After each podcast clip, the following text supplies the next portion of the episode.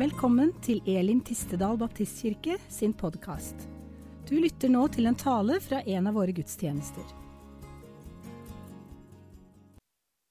Ja, Godt nyttår til dere alle sammen. Fint å se dere. Så er det sånn at jeg har en eh, litt eh, liten prekestol i dag. Og det er en grunn til. For på eh, juletrefesten så skulle jeg ta den, den, den, prekestolen ned her. Men den redda livet mitt, for å si det sånn. Men den måtte da bøte med livet på på et eller annet vis. For jeg snubla i det dårlige venstrebeinet mitt og holdt på å knekke nakken. holdt jeg på å si. Men, men jeg fikk tatt meg imot med, med prekestolen og landa på den, men den gikk da i stykker. Så sånn er det. Men ellers har vi det fint. Eh, det er jo naturlig på denne dagen da, å starte med dette spørsmålet på en første søndag i 2020. Eh, med dette spørsmålet hvilket håp, hvilket håp bærer du med deg inn i dette nye året og det nye tiåret? Det er jo sånn at Vi har jo en tendens til, vi mennesker, å dele tida inn ikke bare i år for år, men i årtier. Vi snakker jo fremdeles om 70-tallsklær og 80-tallsmusikk. Ikke sant? Så, så liksom årtier har en betydning for oss. Så det er jo litt mer et vanlig kapittel som vi legger bak oss med, med, med ett år. Men det er et helt tiår vi ligger, eh, legger bak oss. Og For oss som enhet så er det jo et, også spesielt tiår. For om vi tenker etter, eller husker på det, så er det faktisk sånn at det er akkurat ti år siden vi bygde kirkebygget vårt. Så vi har vært ti år her inne. Eh, eh, I hvert fall når vi kommer til eh, oktober. Og det får meg både til å kikke bakover og tenke framover. Og jeg grunner over, også over disse spørsmålene. Hva drømmer jeg om? Og hva håper jeg på? Så er det sånn at Jeg har lyst til å ta tak i en fortelling ut ifra det. Og så kom temaet i dag til å være Jesus verdens håp. Så veit du det allerede. Eh, men jeg skal, jeg skal, ta tak i en, en, en, fortelling som nesten er litt jeg kan nesten si at den er litt underlig. Eh, og Den møter du i Johannes evangelium kapittel 5, og fra vers 1 til 8. Og Den handler om den syke ved Betesta. Eh, det er sikkert noen av dere som har vært eller ikke bare dere som har vært i Israel, har helt sikkert vært og besøkt Betesta. Eh, det har jeg sjøl vært. Og for meg personlig det er mange, mange, gode opplevelser. Men det er jo sånn at i Jerusalem så er jo veldig mange ting eh, belagt av kirker og bygd med ulike murer og bygg. Men Betestadammen var for meg et av de mest spesielle stedene å, å være ved. Og er det Anna-kirken? Er det det den heter? Tro? Den kirken som ligger der? Stemmer ikke det? Å være inne i den kirken, det var helt spesiell, en spesiell opplevelse.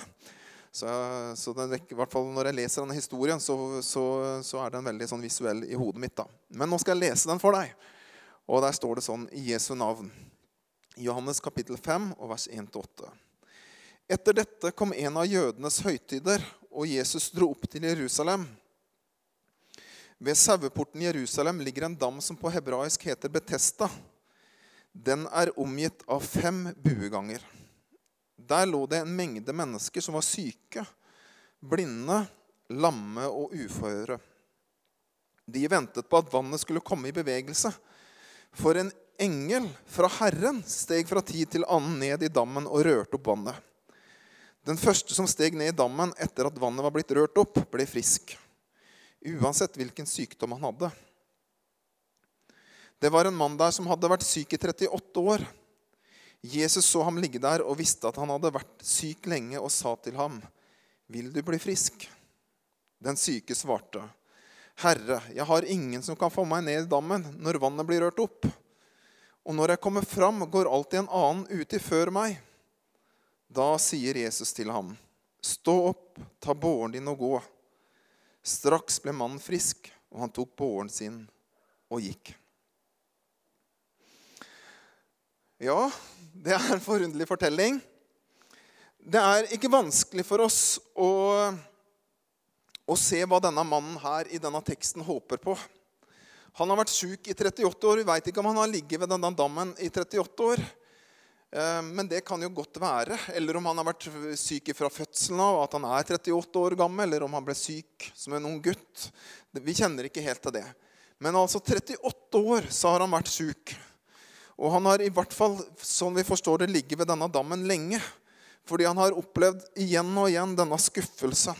Når engelen har kommet, denne som han har venta på, denne som skal røre i vannet, og så veit han at om jeg kommer meg ned i det vannet, vannet nå, så blir jeg frisk. Men igjen og igjen så opplever han skuffelse over å ikke få det til. Enten var det sånn at eh, han ikke hadde venner som kunne hjelpe ham nedi. Og når han omsider klarte å komme seg ned ved sin egen eller andres hjelp, det veit vi ikke. Da var det alltid noen som sneik seg foran. Men håpet til denne mannen, det var jo fremdeles der. Fordi han valgte jo faktisk å fremdeles ligge der nede ved Betestadammen og drømme og håpe om at han en dag skulle bli frisk igjen. Jeg har lyst til å stoppe litt opp der i historien og så har jeg lyst til å ta deg med litt i et litt større perspektiv. Eh, for det er sånn at mellom Det gamle og Det nye testamentet, som vi finner i Bibelen, så er det sånn at det går omkring 400 år. Fra den siste boka i Det gamle testamentet er skrevet, til Matteus evangeliet starter, så er det omkring 400 år. Så er det sånn at vi Det er ikke så vanlig for oss øh, holdt jeg på å si, vanlige mennesker å kjenne så mye til den tiden mellom, disse, øh, mellom Det gamle og Det nye testamentet. Men Eh, om man leser litt historie, og sånn, så kan man bli noe kjent med, med, denne historien. Og Det som kjennetegner denne historien, det er jo det, dette, denne forventningen som vi også møter i, i, i evangeliene. Nemlig denne forventningen til Messias som skal komme. Denne forventningen som folket har, Israelsfolket har, om at en dag så skal det komme en som skal, som skal redde oss, som skal skape en forandring. Og så var det jo sånn at gjennom disse 400 årene så sto det fram ulike ledere som folket den gangen tenkte at ja, det må være Messias. Han må det være. Noen av de aller mest kjente av dette her er de som vi kaller for makabeerne. Eh, det var, det var en, eh, en, leder som het Mattias, som etter hvert fikk en sønn som het Judas, som først ble kalt for Judas Makabeeren. Han hadde fire brødre. Og på ulike vis så var de med og, og skapte en forandring i Israel. De ga Israels folket tilbake håpet. De tok tilbake landområder. De klarte å gjeninnføre ting som var tapt. De fikk lov til, de kjempa tilbake muligheten til å, til å dørke den jødiske religionen. Og folk tenkte at nå, nå har Messias kommet. Men det viste seg igjen og igjen at de var ikke Messias. For det var både framgang og det var etter hvert også tilbakeslag under deres ledelse. En liten sånn detalj da, sånt det som jeg, synes er litt interessant rundt makabeerne, det er at de sitt symbol, det var palmegreiner. Så denne protestbevegelsen den hadde palmegreiner som, en, som, et symbol. Og i dag så kan, vi, så kan vi finne mynter fra den tiden hvor det er inngravert palmegreiner. Så det, måte, det, var, det, var, liksom symbolet deres for denne frigjøringskampen de hadde for å frigjøre Israel igjen. Og da går jo tankene til den dagen som Jesus rir inn på palmesøndag, inn i Jerusalem. Og hva er det folket kommer han i møte med? Jo, det er palmegrener. For nå tenker de. Nå endelig. Nå skal det se. Nå skal det bli frigjort. Og så vifter de med, med palmegrener, og så roper de Hosianna. Og så vekkes denne drømmen igjen som de hadde båret i århundrer, om at nå kommer Messias. Nå skal vi bli frigjort. Men det som er så spesielt, da, det er at når Jesus rir inn i Jerusalem, så rir han ikke inn i Jerusalem til hest med våpen i hånd. Nei, han kommer ridende på en eselfole. Og For dem så var det et symbol på fred, fordi at en kriger en som satt til hest, han kunne føre våpen og kunne krige, men en som satt på en eselfole, den gikk jo både treigt og var Man kunne ikke bære våpen, man måtte holde seg fast. Og det var et symbol om at man kom i fred. Og så går det jo noen dager, noen bitte få dager, fra de som sto der og ropte Hosianna, til de roper korsfest, korsfest. Og så er igjen det dette folket igjen og igjen har opplevd at håpet, det er tapt enda en gang. Enda en gang så drømte vi om at det var Messias. Enda en gang så sto det fram igjen. Enda en gang så viste det seg at det ikke stemte. Og så brister dette håpet. Jeg veit ikke hva du tenker på når uh, tenkte når jeg spurte deg om til starten av det, denne talen om hva, hvilket håp du har for det nye året eller tiåret. Kanskje er det sånn at for deg så er håp først og fremst knytta til skuffelser. Altså at du har, du har, håp på noe igjen og igjen, men, men håpet, håpet det brast. For det er jo sånn at vi alle opplever også at håp brister. Etter hvert som livet vårt skrider fram, så må, hvis vi skal være ærlige med oss sjøl, så kan vi også se tilbake på ganske mange håp og ønsker og drømmer som vi hadde, som det aldri blei noe av, eller noe som vi håpet og drømte om, som blei knust og ødelagt. Derfor er håp også et vanskelig ord for mange. Noe man, mange kan til og med etter hvert vegre seg for å tørre å gjøre fordi man er så redd for igjen å bli skuffa. Men hva er det vi håper på? Og hva er det våre håp handler om? Og Paulus han sier en del om håp i, eh, i romerbrevet. Han sier f.eks. I Romerne kapittel 8 vers 24 så sier Paulus følgende at håp, et håp som alt er oppfylt Det er ikke noe håp, sier han. Og så sier han en enda sterkere ting i Romerbrevet kapittel 5, der han sier at lidelser, det gir utholdenhet. Og utholdenhet, det gir et prøva sinn. Og så kommer det på en måte et slags brudd i denne rekka av på en måte litt sånn tunge, vanskelige ord. Han liksom snakker om lidelse og utholdenhet og, og prøve av sinn. Men så sier han og det prøvede sinn, det får håp. Det er liksom som det kommer et brudd i denne rekken. Det er noe nytt som skjer. Og For meg så får denne måten og det Paulus sier altså det, det, det, er nesten som jeg tenker at det han sier til oss, det er at håp det har sitt utgangspunkt i det som er vanskelig. Altså Der alt er lett og der alt går på skinner, der trengs det ikke noe håp lenger. Men det er, liksom, det, er det, det er når det blir tungt. Det er når det blir vanskelig. Det er når lidelsene oppleves, det er når prøvelsene kommer. Det er da det er da håp blir født. Det er da det ser noe i oss mennesker.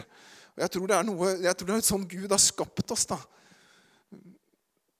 At, at noe i mennesket begynner å håpe når det er på sitt tyngste og sitt vanskeligste. Og så tror jeg også, også, det er sånn at Gud kommer også med sin hånd, med sin ånd, og gir oss håp og drøm der når livet er vanskelig og tungt. Et håp om forandring. Et håp om at noe nytt skal skje. Et håp om at det vonde skal gå tilbake. Et håp om at det gode skal komme. Håp, altså vi håper på at vi skal bli friske. Eller vi håper på å finne lykke. Vi håper på å finne den rette. Vi håper på det gode, altså gode dager for familien vår og våre nærmeste. Og I utgangspunktet så er det nok sånn at mange av håpa våre de er kortsiktige. Og hvis jeg i hvert fall skal se på meg sjøl, så er det nok ofte sånn at mine håp da, det dreier seg veldig mye rundt mitt eget liv og mine aller nærmeste. Men så opplever vi jo samtidig, når vi ser rundt oss i dag med den uroen som er i verden i dag, så kjenner vi også at uroen tenner et ønske og en drøm og et håp også om en forandring, ikke bare i vårt liv, ikke bare i det aller nærmeste, men vi kjenner at vi, vi drømmer og ønsker å håpe om en forandring i vår verden. Et håp om at Guds rike skal komme, og at Guds vilje på en enda sterkere måte skal skje i vår verden, sånn som den gjør i himmelen, sånn som vi har, sånn som vi har lært av Jesus at vi skal be. La din vilje se på jorden, slik som i himmelen. Ja, vi drømmer om det. Vi håper på det. Og da dras håpet inn i et større perspektiv. Og jeg tror det faktisk er sånn, jeg vet ikke, jeg, men jeg tror det er litt sånn at, at jeg, jeg, sa det, at, at, mine håp handler jo først og fremst om min, min, og, min verden. Men, men, om jeg går til enden av mitt lille håp, så, så tror jeg vi alle opplever at, at, bak der så er det enda dypere håp. Altså det, det, det strekker seg egentlig Kanskje jeg bare ser at håpet går dit, men, men under der så er drømmen om noe enda dypere. Noe enda sterkere. Noe enda, noe enda lenger. En kollega, bare for å sammenligne det med noe Eller for å trekke en, en motsetning. Det er kanskje riktigere å si. En kollega av meg fortalte meg om en psykiater som har jobba mye med frykt og med angst og hjulpet mange mennesker. Bemerkelsesverdig mange mennesker. Han fortalte at denne psykiateren forklarte at all angst og frykt har sitt utgangspunkt i angst for døden. Nå har jeg kjempa en del med angst gjennom livet mitt. Og jeg kan på mange måter gi han rett. Men når jeg begynner å tenke på det i møte med håp, så faktisk skjønner jeg faktisk at håpet den er da den rake motsetningen til angst og frykt. For det er sånn at som jeg sa, at ja, Håpet kan liksom, for meg det kan være liksom kortsiktig her og nå, men, men bak der så ligger det et dypere håp som strekker seg lenger. Altså, det er nesten så jeg har lyst til å si det på den, Hvis jeg, hvis jeg sammenligner med det med frykt, og at alt har sitt utgangspunkt i frykten for døden, så tror jeg at alt håp egentlig bunner ut i et håp om det evige livet. Da ser du at håpet og frykten der er, det er to motsetninger. Mannen ved Betesta håpte på, på, å bli frisk. Og Israelsfolket håpet på å bli frigjort fra undertrykkerne og det utenkelige håpet som ligger bak våre små og store håp. Hva handler det egentlig om? Hvis jeg, hvis jeg, skal, hvis jeg skal, ta litt mitt lille håp for min familie liksom til det ytterste, hva er det jeg egentlig drømmer om? Jo, jeg drømmer om at en dag så skal all sykdom, urettferdighet, krig og død være borte. Og at jeg en dag skal få lov til å leve der med mine nærmeste, mine kjæreste. I dette. Det er egentlig det store håpet jeg bærer på. Ja, men hvor lenge da? 100 år? 10 år? 5 år? Nei, for alltid. Det er hva jeg egentlig drømmer og håper om. Håpet har sitt utgangspunkt i det, i det evige. Jeg vet ikke om du har tenkt over det, men håp det gjør at vi kjemper. Det har historien igjen og igjen vist. da. At mennesker som, som, begynte å håpe på forandring midt i det vanskelige, midt i det som var, var, ja, var urettferdig, midt i det vonde, og begynte å håpe på forandring, de skapte forandring. Og nå er det sånn at Som baptister så feirer jo vi så måtte se på klokka hvilken dato det er, men, men jeg mener at det er tredje mandag i januar så feirer baptister, i hvert fall i USA, og vi har begynt å feire det også i, vår, eh, i Norge. Men da feires Martin Luther King-dagen. Og tankene går jo ganske Når man snakker om håp om forandring, og det om å kjempe for dette håpet, da går tankene, i mine, ganske raskt til ham. I have a dream, drømte han om. I have a dream. Jeg har et håp om en forandring. Om at mørke og hvite kan leve sammen i fred og forsoning. Og så måtte han dø for det håpet. Det måtte han gjøre. Men det gjorde at han kjempa. Og så starter vi nå et nytt kalenderår i menigheten. Vi starter et, et nytt tiår. Og jeg håper også at håpet om forandring kan fornye meg og fornye oss til å kjempe også for Guds rike sak her på vårt sted og på vår måte og gjennom ulike virksomheter vi gjør, eller misjonsarbeidet vi støtter. Og at det er håpet om det evige som driver oss, og ikke frykt for framtid, omstendigheter som driver oss. Fordi frykt og håp, det er to motsetninger. De spiller ikke på lag. De kjemper mot hverandre. Og vi kan enten la oss drive av frykt, eller vi kan la oss drive av håpet. Og Jeg skal ikke si at jeg alltid klarer det, men jeg har lyst til å være drevet av håp. Og håpet det blir ikke født der alt er perfekt. Håpet blir født i det vanskelige. Der det er utfordrende, der det er tungt, der det er vanskelig. Jesus ser denne mannen ved Betesta, og så spør han vil du bli frisk, spør Jesus.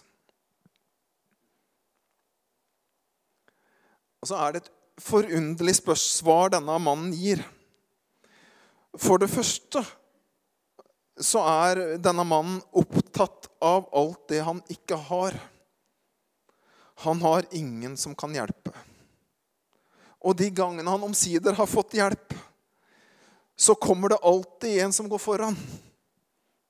For det er jo alltid noen andre sin feil. Det er ganske gjenkjennbar, den historien der. Ingen vil hjelpe. Og de andre sniker seg foran. Og så står jeg her da bak og får det ikke til, da. Og så er det en ting til.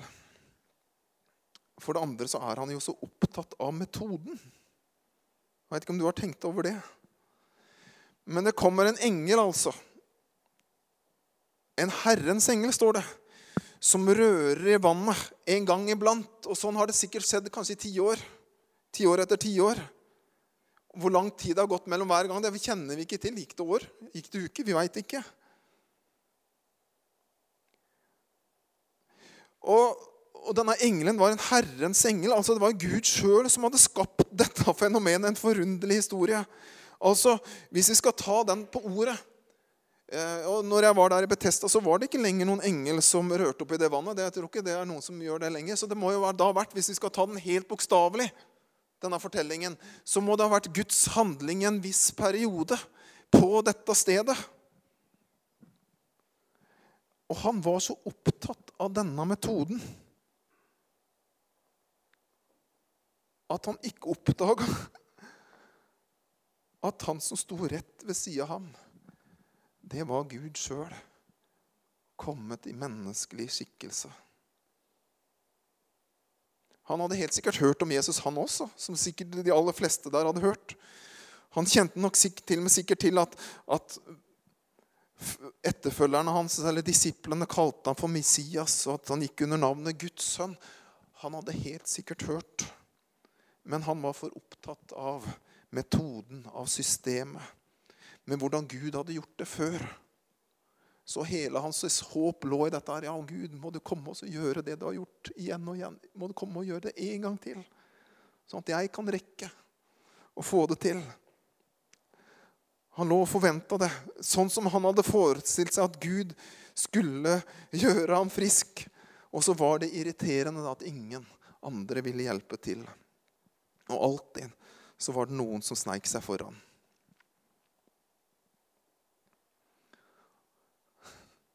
Og så står Jesus der rett ved siden av. Det er forunderlig.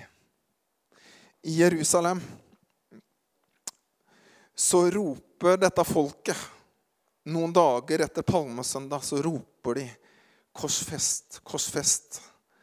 De som hadde vifta med palmegrener for redningsmannen kun noen dager i forkant.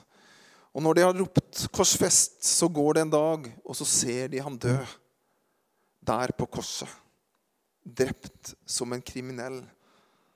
Og nå var det håpet ute også.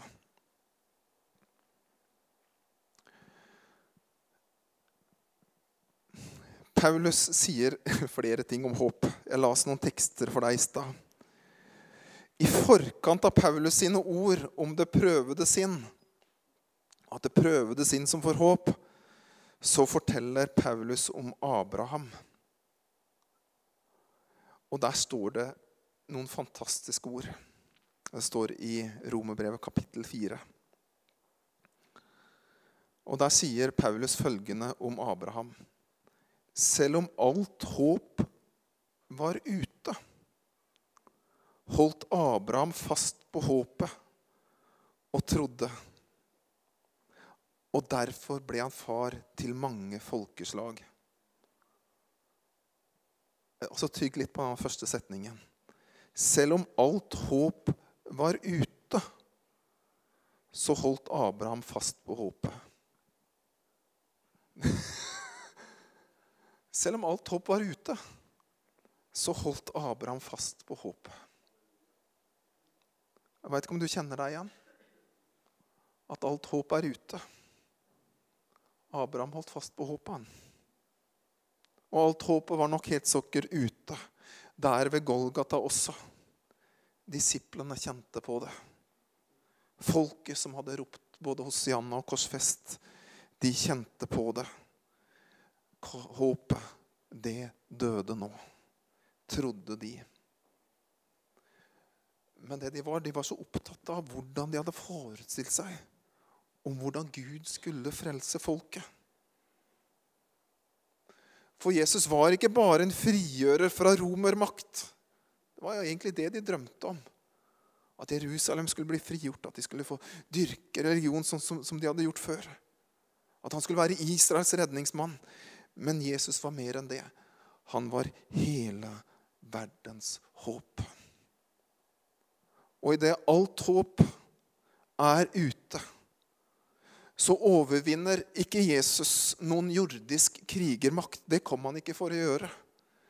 Men han overvinner all ondskap, dødens og den ondes makt gjennom sin død og oppstandelse. Og så kan vi i dag si at Jesus, han er verdens håp. Han er verdens frelser. Han er verdens redningsmann. Og i denne seieren da, som Jesus gjør, så er det også vi kan finne håp i alt. Vi kan finne håp i møte med sykdom. Akkurat som denne mannen som faktisk opplever, etter at Jesus har kommet til ham og sett ham, opplever å bli frisk etter 38 år. Alt håp, det var ikke ute. Men denne seieren gir også håp større enn en helbredelse her og nå. Den gir et håp som går til og med forbi alle de sorgene som vi igjen og igjen møter på.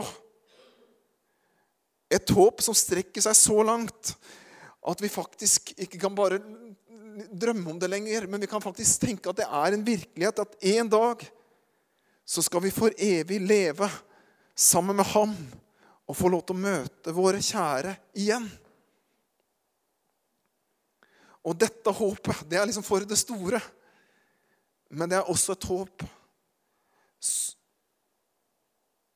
som handler om én som er med og hjelper i smått og stort i vår holdt jeg på å si, lille hverdag. Han er både i det store håpet, men vi kan også søke trøst og hjelp i disse små håpa vi har for våre egne liv. Så har jeg lyst til å til slutt i dag ta oss og være litt personlig.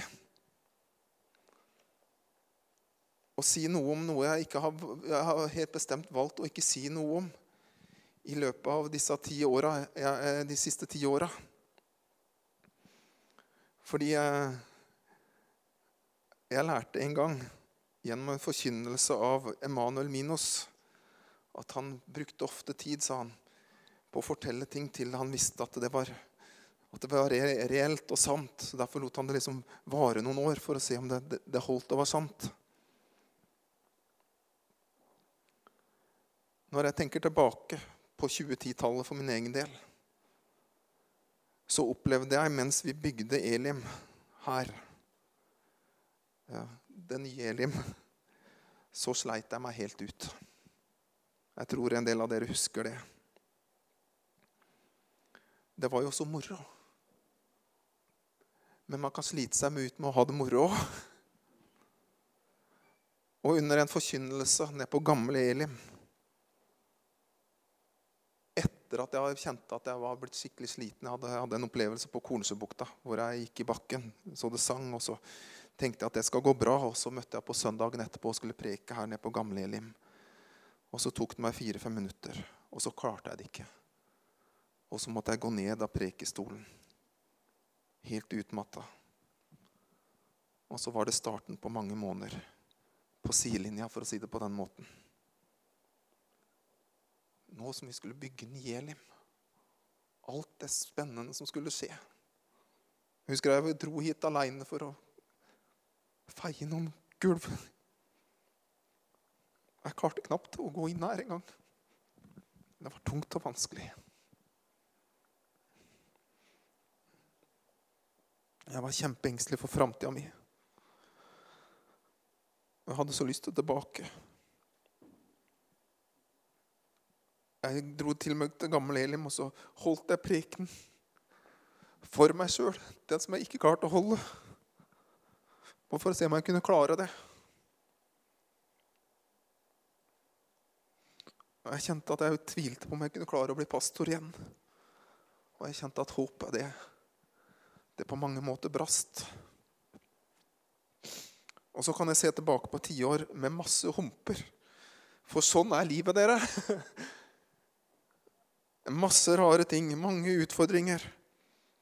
For dere som har opplevd eller kjent på de samme tinga, så vet dere, at en sånn opplevelse det blir du aldri kvitt. Det er mitt torn i kjødet. En av dem som gjør at jeg fremdeles i dag, stort sett hver søndag, tenker på klarer du å holde den prekenen ferdig. Eller må du sette deg ned sånn som i 2010? Men Gud gir meg kraft fra gang til gang. Og det holder meg våken at jeg, jeg, jeg klarer ikke dette i egen kraft.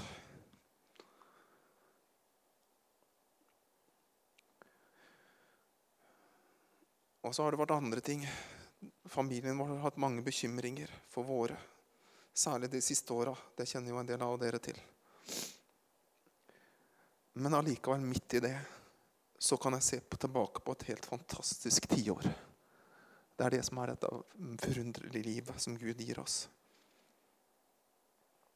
For dere som husker tilbake, eller var her på slutten av før liksom, vi fikk det nye bygget her, så samla vi en periode kanskje to til tre ungdommer ned på gamle Elim.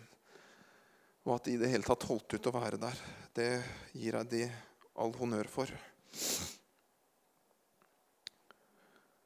Og så har det spennende skjedd i menigheten her.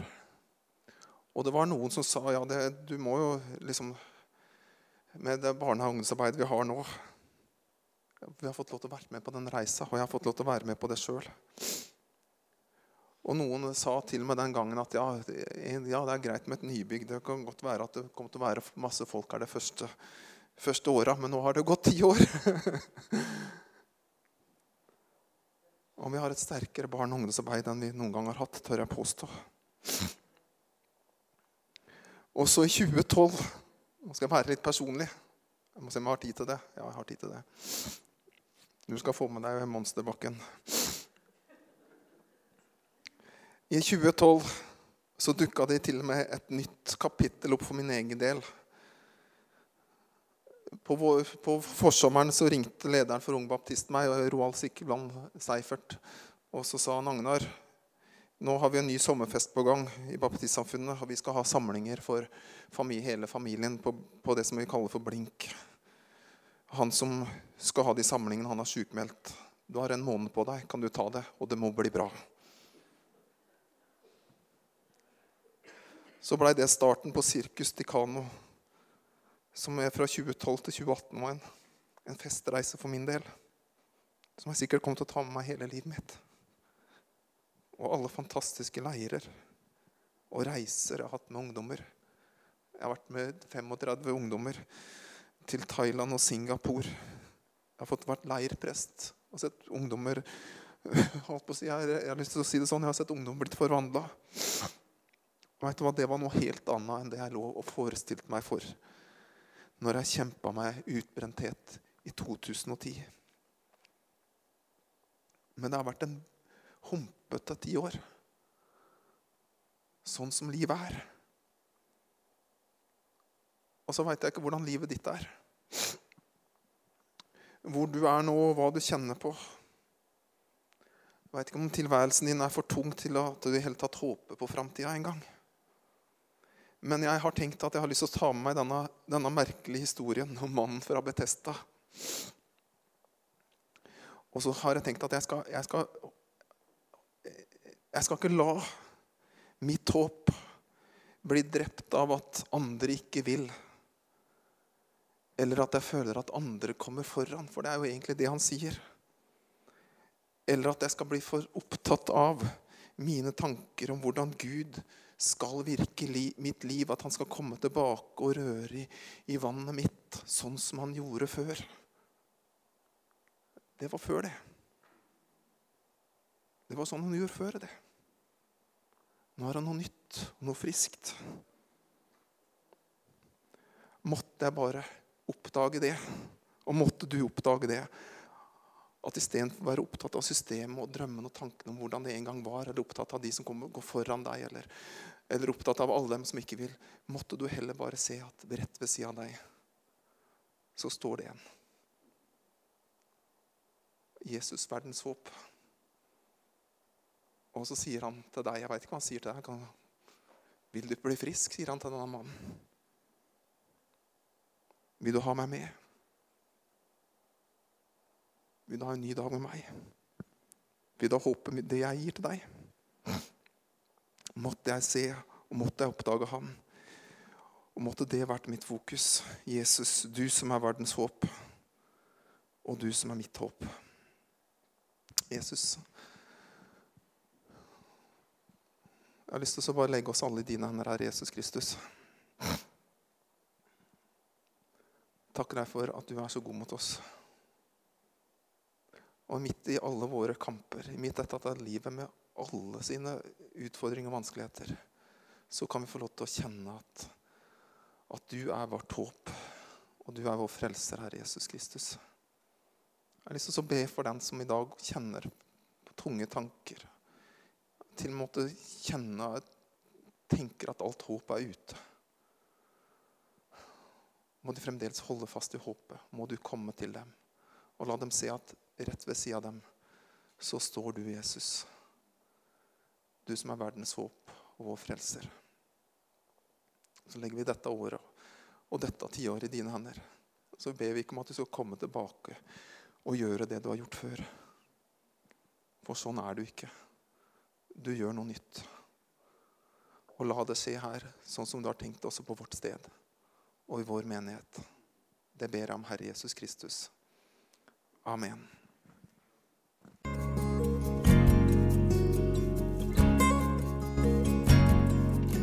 Du lyttet til denne talen. Håper du ble inspirert.